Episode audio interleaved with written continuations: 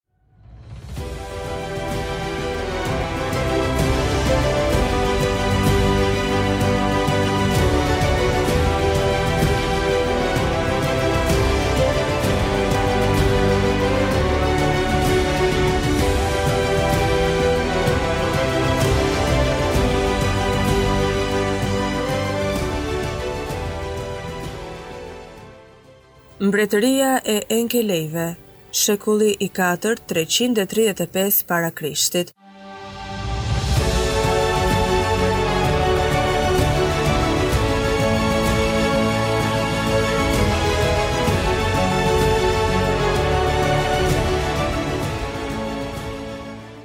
Që nga shekulli i njëmbëdhjetë para Krishtit, ekonomia ilire mori një zhvillim dhe organizim të ri. Në disa degë të ekonomisë, si në blegtori, në zejtari, e më vonë edhe në bujqësi, lindi prona private. Rritja e prodhimit ndihmoi në dendësimin e marrëdhënieve tregtare të brendshme dhe me vendet fqinje, si me Greqinë, me Italinë dhe me krahina të tjera lindore. Kjo bëri që të veçohet aristokracia fisnore dhe ushtarake e cila u vu në krye të fiseve të veçanta. Këto filluan të bashkonin edhe fise të tjera rreth vetes, duke krijuar federatat.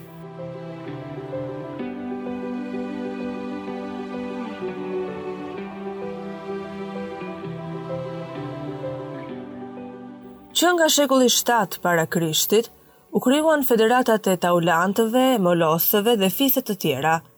Federata Taulante drejtohej nga Galauri. Nga fundi i shekullit pesë para Krishtit, u krijua shteti ilir.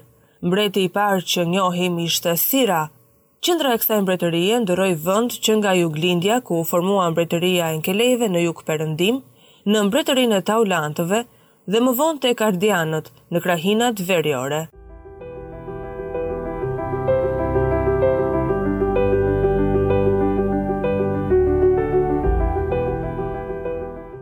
Në shekullin 4 para Krishtit, Bardhyli e rrëzoi mbretin Sira nga froni dhe mori drejtimin e shtetit ilir, duke themeluar dinastinë e tij që e kishte qendrën rreth liqenit të Ohrit, tek fisi i Enkelejve.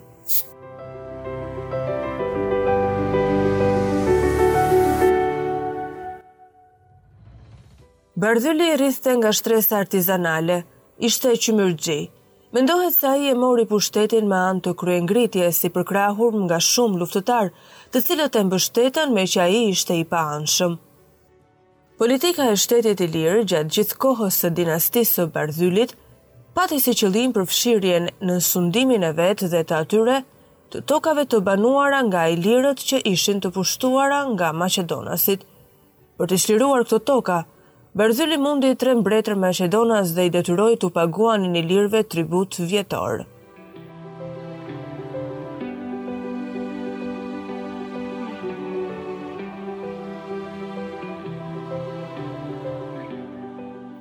Në vitin 360 para Krishtit, kur maqedonasit u përpoqën ta ndryshonin këtë gjendje me luftë, mbetën të vrarë 4000 maqedonas së bashku me mbretin e tyre, Perdikën. Për të dobësuar ndikimin e maqedonasve në kufijtë jugorë të tyre në Epir, enkelejt lidhën aleancë me tiranin e Sirakuzës, vetëm kur Maqedonia me në krye Filipin e Dytë, arriti të shuante grindjet politike, pozita e ilirëve ndaj fqinjëve lindorë u dobësua.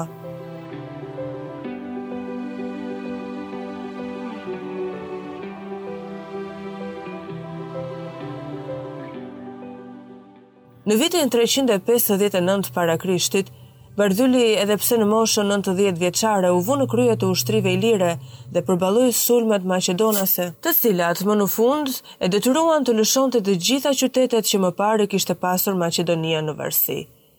Pasardhësit e Bardhylit vazhduan këtë politikë, por ata nuk arritën të çliroheshin nga varësia maqedonase.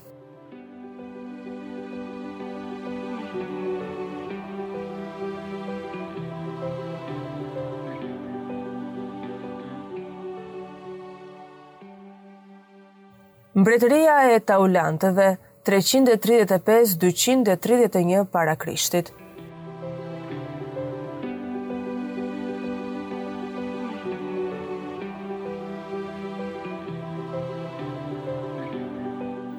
Pas shuarjes së kryengritjes që bënë Enkelejt me në krye djalin e Bardhylit, Klitin, për t'u shkëputur nga Maqedonia, qendra e shtetit ilir kaloi tek Taulantët, ku Glaukia krijoi dinastinë e tij mbretërore.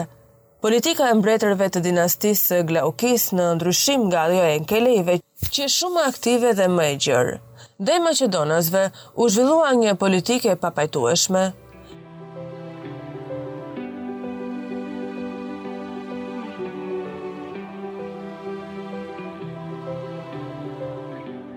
Pas vitit 323 para Krishtit, Glaukia arriti të çlironte të gjitha tokat që maqedonasit u kishin marrë enkelejve. Pas kësaj, maqedonasit u përpoqën të futnin në varësinë e tyre Dyrahun dhe Apoloninë, që do t'i bënte ata zotër të Adriatikut. Pas kryengritjes së vitit treqind e dymbëdhjetë para Krishtit, që u bë në këto qytete, Dyrahu dhe Apolonia ranë nën pushtimin e Mbretërisë Ilire të Glaukisë.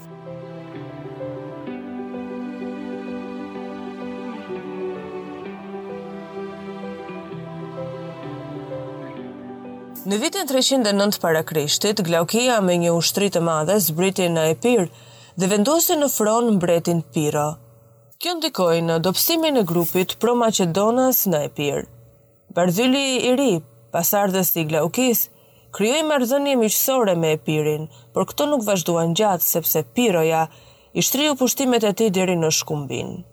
Politikën e paraardhësve e vazhdoi më me forcë edhe mbreti Monun, viti dyqind e tetëdhjetë para Krishtit, i cili u bë dhe zotërues i Dyrrahut, ku preu monedha argjendi me emrin e vet.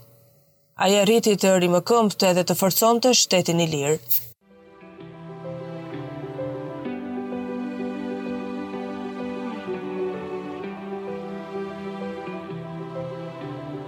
E gjithë periudha e sundimit të dinastisë së Glaukisë shënon faqe të rëndësishme për historinë ilire. Shteti ilir i ultësirës bregdetare të Adriatikut u bëri ballë synimeve hegjemoniste të Maqedonisë dhe të pushtimeve epiriote, duke e siguruar një zhvillim të hovshëm ekonomik dhe kulturor në të gjithë Ilirinë. Ekonomia qytetare, gjatë pothuaj një shekulli, përjetoi një lulëzim të plotë. U ngritën shumë qytete të reja me arkitekturë urbane bashkëkohore dhe me mure mbrojtëse të fuqishme.